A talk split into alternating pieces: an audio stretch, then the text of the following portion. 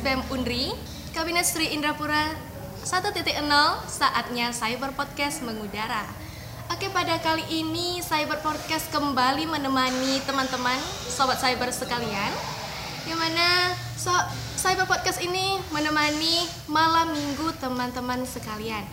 Jadi daripada teman-teman pusing ya jalan gabut nggak jelas ya pada malam minggu lebih baik dengar Cyber Podcast ya tentunya selalu menghadirkan informasi-informasi yang menarik dan hmm, mungkin teman-teman penasaran kepo pada malam hari ini kita bahas apa ya? Namun sebelumnya saya ingin mengenalkan diri terlebih dahulu ya siapa aja yang ada pada malam hari ini yang akan membahas cyber podcast kita. Oke, jadi ya mungkin teman-teman siapa sih yang berbicara ya pada malam hari ini? Perasaan ini bukan suara Dwi gitu ya. Iya, jadi mohon maaf sekali sobat cyber. Pada malam hari ini Dwi tidak bisa menemani sobat cyber sekalian ya karena memang sedang ada urusan ya, ada musibah ya semoga kita doakan saja agar Dwi kembali menemani sobat cyber sekalian. Ya, kecewa pendengar. Ya, jangan kecewa karena ya kita tetap akan mengadakan cyber podcast Dwi pada ya, malam minggu hari ini. Aduh, Dwi, saya hello ya. Hai. Mohon maaf diambil alih pada malam hari ini. Iya, jadi pada malam hari ini kita tetap bersama dengan rekan-rekan Kominfo. Ya, jadi saya sendiri juga dari Kominfo. Siapa Anda? Siapa kamu? Ya sebut Kamu saja siapa? Mawar. ya. Halo Mawar. Saya Winda dan kali ini kita akan membahas tentang tanggal 22 Desember 2019. Ada apa dengan tanggal 22? Hmm, ayo. Ada apa yuk? Para sobat cyber, tahu nggak tanggal 22 Desember ada apa? Nah, sebelumnya kita akan memperkenalkan orang-orang yang ada di sini. Coba saya halo dulu. Halo. Assalamualaikum. Waalaikumsalam. Saya hai aja lah tadi mereka halo, saya hai aja. Oh, Biar beda. Hai. Kita harus beda. Ini yang paling muda mungkin. Ah, iya. Iya, iya, betul betul. Ah, Kalau yang sebenarnya kebalikan ya, sobat. Eh, eh. Jadi kira-kira ada berapa orang nih? Dari salamnya tadi lumayan banyak ya, sobat. rame ada gak 100 orang? ada di sana ada, di Oh iya, ada. kita sedang berada di Jember Cafe Platinum nih, sobat. Oh, Cyber. jauh mainnya cybernya. Wow. Di kafe ya? Yang mana kafe ini merupakan tempat suara mahasiswa. Jadi kalau yang memperhatikan postingan-postingan BEM Undri bisa datang ke Jember Cafe nih, malah iklan ya. Jangan lupa minggu depan Mas. Ya, minggu depan ada suara, mahasiswa, kembali hadir. Setiap jam 3 sampai jam 4 sore. Iya. Siap. Oke, yang eh, dan. kembali ke laptop. Ya, dari tadi iklan-iklan aja. Laptopnya nggak ada tapi kak. Oh Gimana, iya ya, adanya apa HP. nih? Oke, Oke. tadi kita mau kenalan nih yang ada di sini. Yang jelas di sini adalah perempuan-perempuan tangguh ya dari BEM Universitas Riau. Jadi kita akan sharing nih tanggal 22 Desember. Ayo, ayo dipikir-pikir apa yang ada di tanggal 22 Desember. Coba kenalan dulu dari kakak yang berjilbab abu-abu. Ya, bisa dibayangkan lah ya dari sobat cyber. Halo kakak. Halo, assalamualaikum. Waalaikumsalam. Coba kenalkan kak Ya, dulu. eh, saya Sylvia Tamara, bisa di- dipanggil simpelnya Silvi. Jangan ya boleh Tamara, boleh siapa gitu. Ah. Tapi jangan Via. Oke, kami panggil Via. Kalau gitu kita panggil Via ya. Panggillah saudara kalian Iya. dengan panggilan yang beliau sukai. Nah, seperti itu. Auto kena ceramah. Iya. Oke, Jadi selanjutnya nih ada siapa nih Jilbab hitam. hitam juga ada dua orang. Ya, siapa? Ya, halo. Assalamualaikum warahmatullahi wabarakatuh. Waalaikumsalam warahmatullahi wabarakatuh. Ya, saya dari calon ibu. iya iya iya jelas jelas. Amin ya. Iya, memang semuanya calon ibu di sini Iya. nih. Besok. Terlalu cepat. Ya, Dengan dari siapa? perempuan yang menginspirasi. Iya, Amin. Amin. Ya, saya hello, nama saya Maxi Safrida. Hai Halo, Maxi. Maxi. Panggilannya Syafrida. Rida. Panggilannya Maxi. Oh enggak Max. Maxi. Oke, sebut aja Maxi. Maxi itu ada dia tuh ojek online. Ayo Maxi. Oh, boleh boleh lagi. Bukan promosi ya, ya. kita nggak disponsori oleh Maxi ya. Bukan tempat promosi sebenarnya.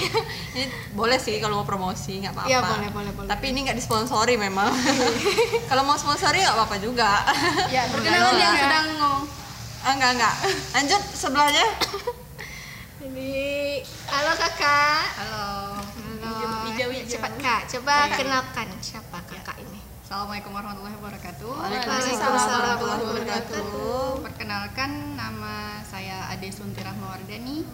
Halo kak Ade. Halo Kak Ade. Halo. Sebagai mahasiswi dan sebagai anak ibu juga. Masya Allah. Aura-aura aksi gitu ya. Oh ini ini yang suka jaga calon-calon ibu kalau pas aksi ini dia nih. Nah, nah. Calon-calon ibu ah dia yang jaga. yang paling seterong ya.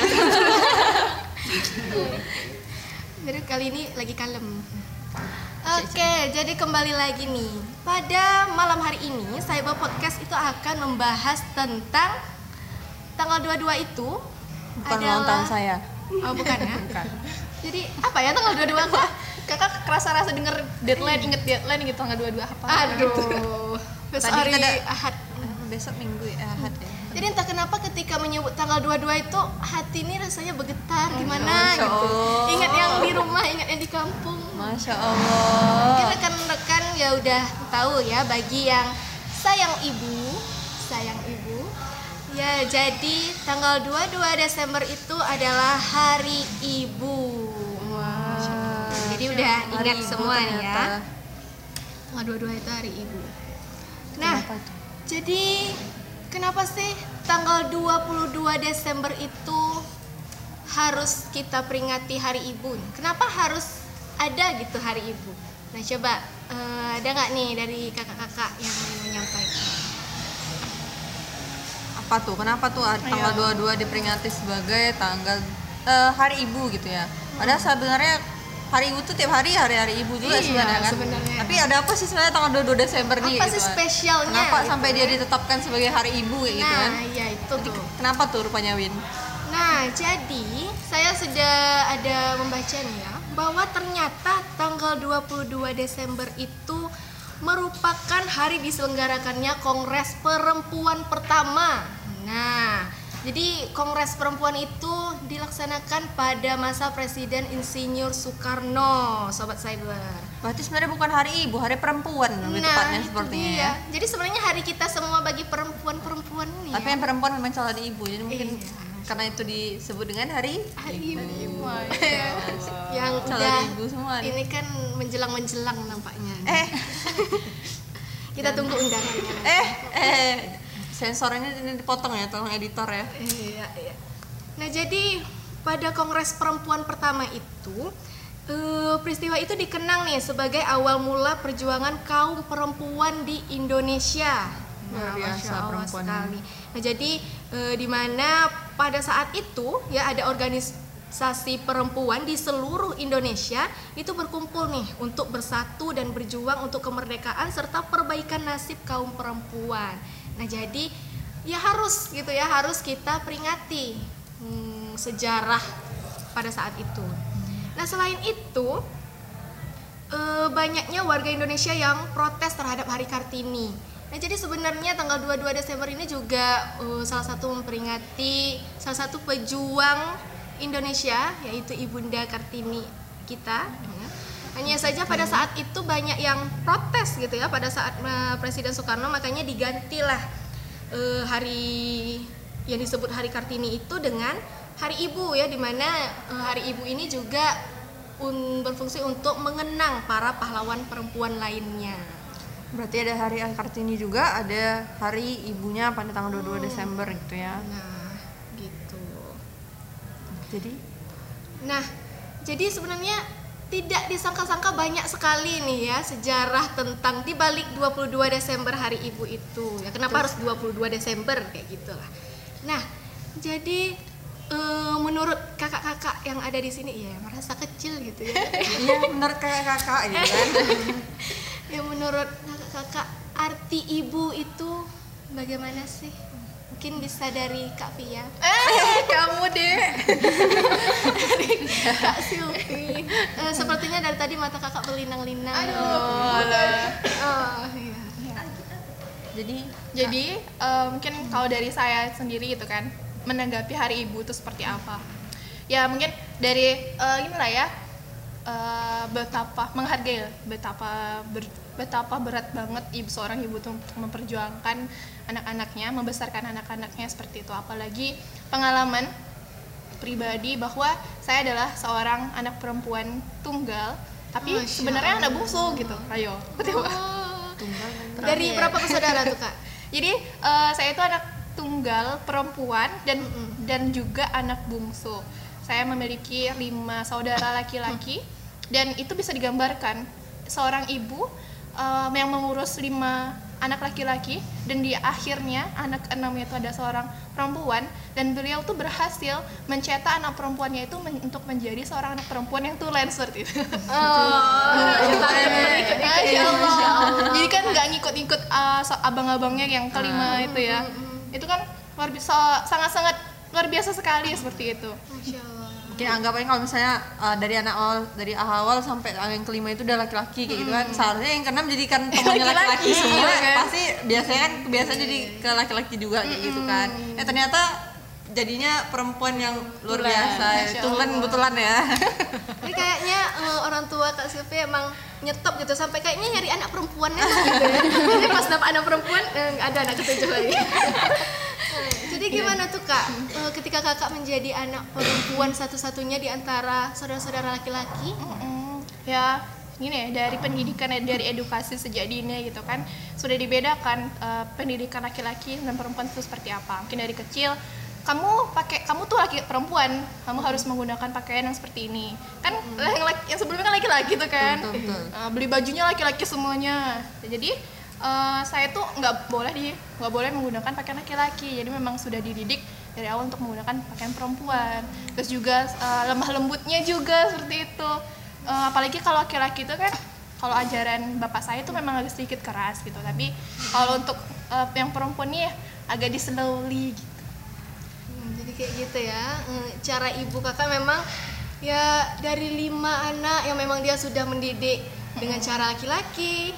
Ya tiba-tiba ada kakak perempuan tetap ya orang tua tuh memang luar biasa seorang ibu itu memperhatikan eh, bagaimana anaknya ke depannya. Jadi eh, coba kakak sebut eh, beberapa atau kalimat nih yang menggambarkan seorang ibu. Ya. Kayak kita perlu nyiapin tisu dulu kan ada tisu nggak ya Jadi mungkin kata untuk ibu gitu kan ya pastinya luar biasa seperti itu kan. Karena ya kita sebagai calon ibu juga dan mungkin gambaran untuk ke depannya seperti apa untuk anak-anak penerus selanjutnya seperti apa ya itu ada di eh, induknya itu kita bercermin dari ibu kita dan selanjutnya, selanjutnya turun ke kita dan kita akan menurunkan ke calon anak kita nantinya gitu kan. Jadi memang benar-benar eh, kita mencermin ke ibu kita itu memang eh, cari sisi baiknya gitu dan senantiasa seorang ibu tuh pasti akan memberikan hal-hal yang baik hal-hal yang positif untuk anak-anaknya.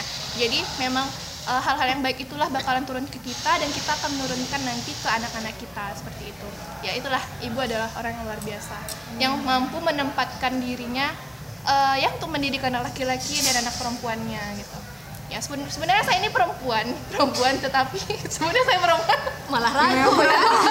Kayak tapi memang perempuan ya. Memang perempuan memang. Kalau untuk eh, laki-laki laki-lakinya jiwa laki ada juga. Tapi sebenarnya eh, lembut juga gitu. Aduh gimana tuh? jiwa laki-lakinya diambil yang tegasnya aja. iya gitu. betul.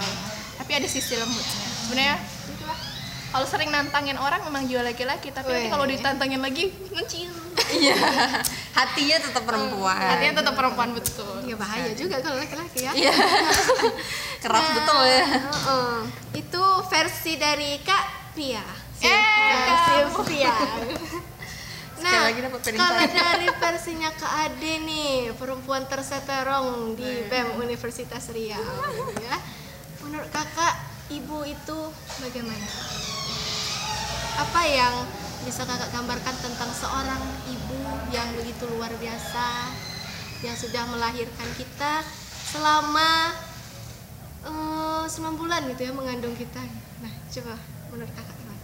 Iya, eh, jika berbicara tentang ibu, pastinya kita berbicara tentang hidup kita itu sendiri, seperti itu ya. Karena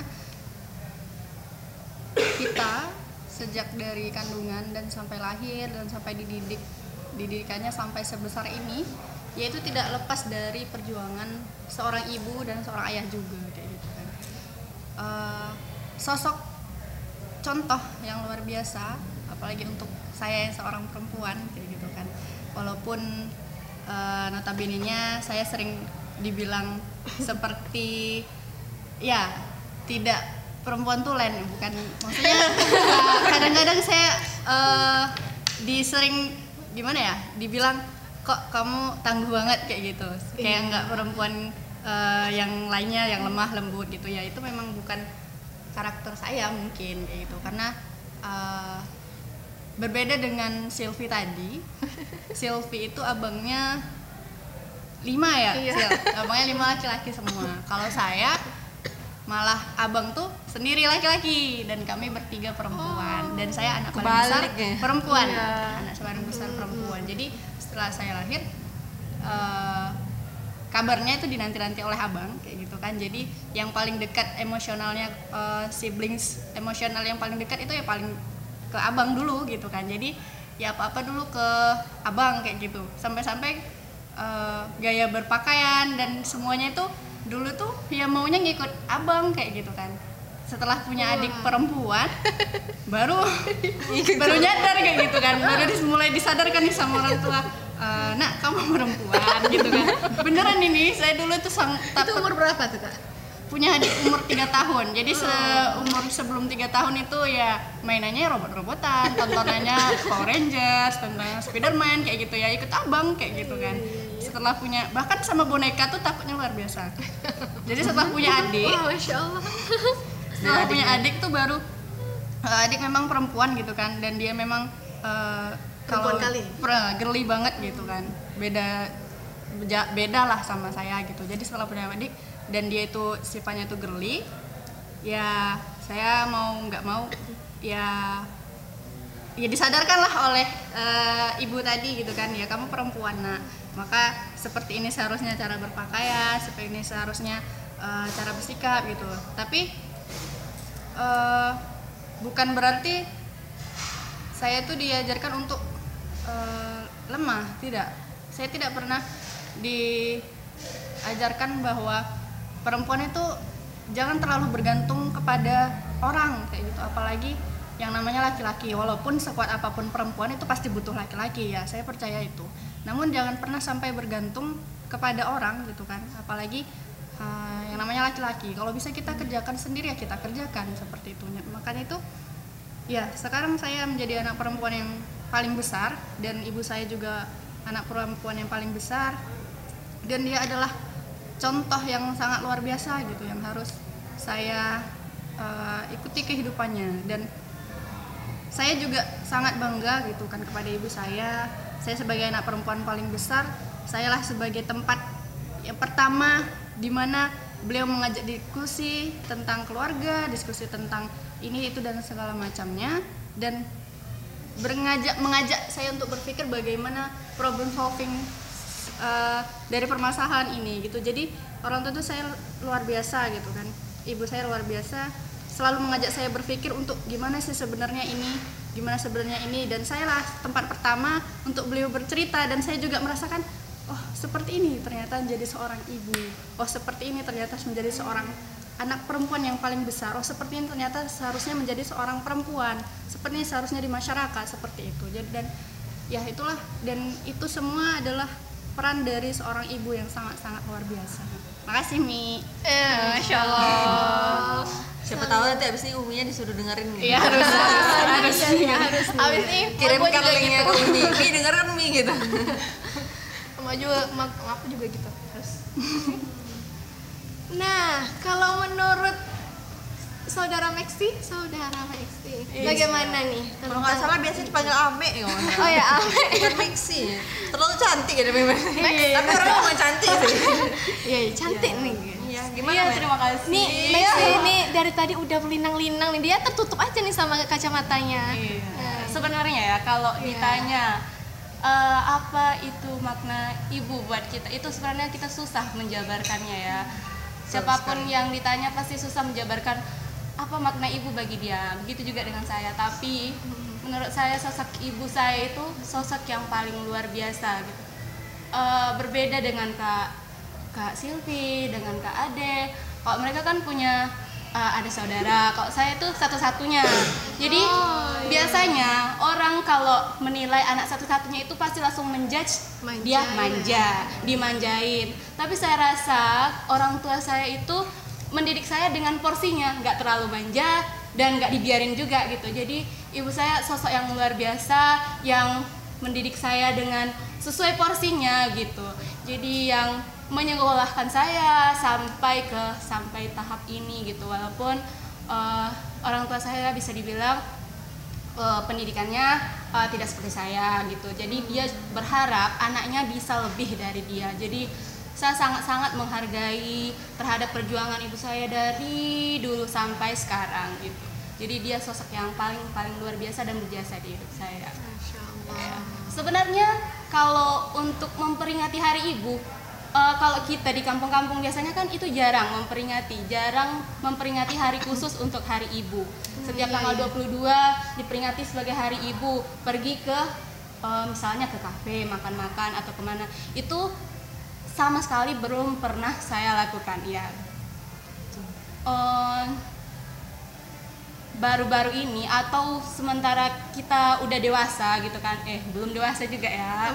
Ya dalam Masih tahap Iya, tahap di saat- pendewasaan. iya kuliah eh, bukan ikut-ikutan juga nih orang merayakan hari ibu biasanya posting. Nah saya merasa eh, setiap hari kan setiap hari pasti hari ibu. Tapi pas tanggal 22 orang upload masa saya enggak? Kasihan dong ibu saya enggak diucapkan gitu. Jadi eh, biasanya tanggal 22 tuh ada dari perlomba-lombaan nulis buat hari ibu saya mencoba untuk ikuti itu sebagai salah satu hadiah Caranya ya. ya salah satu cara penyampaian hadiah untuk ibu saya ya mungkin ada saran untuk Mbak Putri nanti diadain juga kayak gitu Harus ikut ya. Harus ikut ya. Bisa jadi. Nanti kita adakan dulu ya. Oke, boleh boleh masuk masukan ya. Tapi di sini kakak-kakak dan teman-teman semua pernah nggak bilang aku sayang ibu? Udah besar ini kalau waktu kecil ya pasti Iya, pasti sering gitu sering lah ya. gitu ibu aku sayang ibu kayak gitu. Tapi udah besar ini apakah minder atau justru di telepon itu memang masih puitis gitu ya mengucapkan atau kata-kata cuma minta uang itu dia Atau malah telepon "Eh, nanti ya Bu ya, lagi sibuk kayak gitu kan. Nah, kayak mana tuh? Jangan sampai memang orang tua kita justru terutama ibu kita ya eh, menghubungi kita apakah anak sedang sibuk gitu ya. Justru kadang eh, ibu kita itu tidak ingin eh, mengungkapkannya kepada kita tapi dia tuh menanti ya, terus hubung apa kita menghubungi orang tua kita. Nah, gimana nih? Pernah nggak ditelepon ya karena kita merantau bilang nih "Eh, saya sayang sama ibu. Gimana cara mengungkapkannya? Untuk kakak Sylvie, aku Kita ditanya diam ya. ketawa dulu. Diam. Iya. Oh, yang lucu apa ya? ketawa adalah merupakan pelampiasan kalau misalnya kita tuh baik-baik aja kan Ah, quotes hari ini ya guys. jadi kalau misalnya ngomong sama Silvin terus awalnya ketawa ya berarti ya itulah ya catat ya. Eh, Terus? gimana kak? Hmm, kalau misalnya dari Sofi pribadi gitu kan eh, untuk nelpon sendiri gitu ya. Nelpon alhamdulillah seminggu sekali ada. Pokoknya minimal dalam satu minggu tuh ada. Tapi eh, jarang sekali untuk menyampaikan saya- kayak kalau misalnya Sofi itu manggil adik jadinya. Adik adik saya gitu nggak ada. Belum apa ya jarang banget untuk mengungkapkan seperti itu. Palingan kalau cuman kalau di rumah eh, kalau misalnya ke rumah pulang ke rumah ya sedang bareng-bareng ya udah dipeluk seperti itu Ya udah, kalau gitu coba sampaikan. Ah. Nanti kita akan kirim linknya. Iya. Terus juga eh, cara untuk mengungkapkan bahwa kita sayang itu ya selalu selalu ditanyain "Eh, mama mau apa gitu selalu dibeliin hal-hal yang beliau sukai apa beliau, beliau yang yang beliau inginkan seperti itu dengan cara seperti itu gitu ya gitu Ya, kalau menurut Kak Ade, Ya, soal pengungkapan rasa sayang ya. Kalau dulu waktu masih eh, sering bersama gitu kan sebelum merantau di ke Pekanbaru untuk kuliah, rasanya kalau untuk mengungkapkan rasa sayang itu eh, gimana ya, agak susah gitu. Karena memang tipenya ibu juga em, orang yang enggak tipe bukan orang yang pandai juga untuk mengungkapkan rasa sayang kayak aku sayang kamu nak kayak gitu kan. Tapi setelah di sini gitu kan setelah di baru setelah menjadi seorang perantau ya kita baru merasakan bahwa eh, ya Allah ternyata sangat penting sekali gitu hadirnya sosok ibu itu setiap hari kita lihat kayak gitu kan. Jadi pada momen-momen tertentu gitu yang eh, misalnya saat ulang tahun, saat hari ibu dan hari kartini gitu kan hari-hari perempuan yang atau yang lainnya ya berusaha nih untuk berani mengungkapkan rasa sayang itu. Karena kan eh, memang kalau kita sayang ya baiknya kita ungkapkan kayak gitu kan. Jadi ya diungkapkan melalui telepon kayak gitu. Mi selamat ya. Kadang selamat ulang tahun atau selamat hari ibu dan selamat hari guru. Karena kebetulan eh, ibu itu seorang guru juga kayak gitu kan. Dan nanti kalau ditanya eh, mau apa? kayak gitu kan pasti jawabnya hmm, "Mak nggak pengen apa-apa kayak gitu. Pengennya eh, kamu baik-baik aja di sana belajar yang benar terus eh, ya belajar yang benar asal kamu bahagia. Tenang, kalau kita sedia tisu di sini. itu udah lebih dari cukup untuk ama kata ibu gitu kan. Dan ya pokoknya apa pun yang kamu lakukan mama selalu dukung. Yang penting mama percaya sama kamu. Dan itulah luar biasanya saya tuh nggak pernah dikasih sekat batasan seperti jangan dilarang ini dilarang itu kayak gitu kan. Dan itulah tantangan bagi saya sendiri malah kalau saya udah memilih pilihan ini ya saya harus bertanggung jawab kayak gitu. Saya harus bertanggung jawab harus menyelesaikannya. Karena saya nggak pernah dikasih sekat-sekat pilihan dilarang ini dilarang itu saya dibebaskan dan di situlah tantangan saya untuk selalu bertanggung jawab dan komitmen at- atas apa yang saya ambil dari keputusan tersebut. Jadi eh, sangat luar biasa kayak gitu kan dukungan dari orang tua saya terutama seorang ibu gitu. Makasih Mi telah mengajarkan Mbak karena saya dipanggil di rumah itu Mbak gitu kan mengajarkan Mbak sebagai seorang anak perempuan yang eh, luar biasa gitu kan. Menjadi sosok seorang kakak telah mengajarkan menjadi seorang kakak menjadi seorang yang ya perempuan kayak gitu. Bagaimana saya perempuan walaupun terkadang eh, attitude saya mungkin kurang mencerminkan sebagai perempuan yang tulen yang bagaimana gitu kan. Yang seharusnya kan identik perempuan tuh lemah lembut tapi saya tidak kayak gitu. Dan itulah bedanya saya dengan yang lainnya kayak gitu. Tapi saya nggak pernah eh, dijustifikasi oleh mama apa dan ayah gitu. Jangan kayak gini jangan kayak gitu. Kayak ya udah terserah kayak gitu. Yang penting ya kan kamu sudah besar bagaimana menentukan pilihan itu resiko dan konsekuensinya itu diterima oleh kita sendiri. Dan itulah yang mengajarkan saya untuk dewasa dan mengajarkan saya untuk bertanggung jawab bagaimana saya mengambil keputusan yaitu konsekuensinya yaitu saya ambil sendiri kayak gitu. Perjuangannya di situ dan saya rasakan ya begitulah cara mendidik orang tua saya dan itu luar biasa sekali. Makasih Mi. Kayak gitu kan Tangan bentuk. Ini tisunya kayaknya.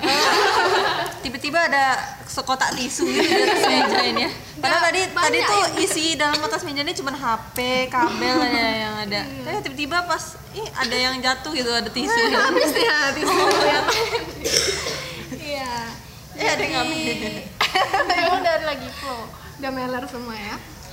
Sebenarnya kalau berbicara tentang ibu itu sangat banyak dan setiap orang pasti memiliki definisi tentang ibu berbeda-beda. Setiap ibu juga punya caranya masing-masing untuk mendidik anaknya. ya Iya. benar benar sekali Oke, eh, jadi di sini kita benar-benar mendapatkan pelajaran berharga ya tentang ibu.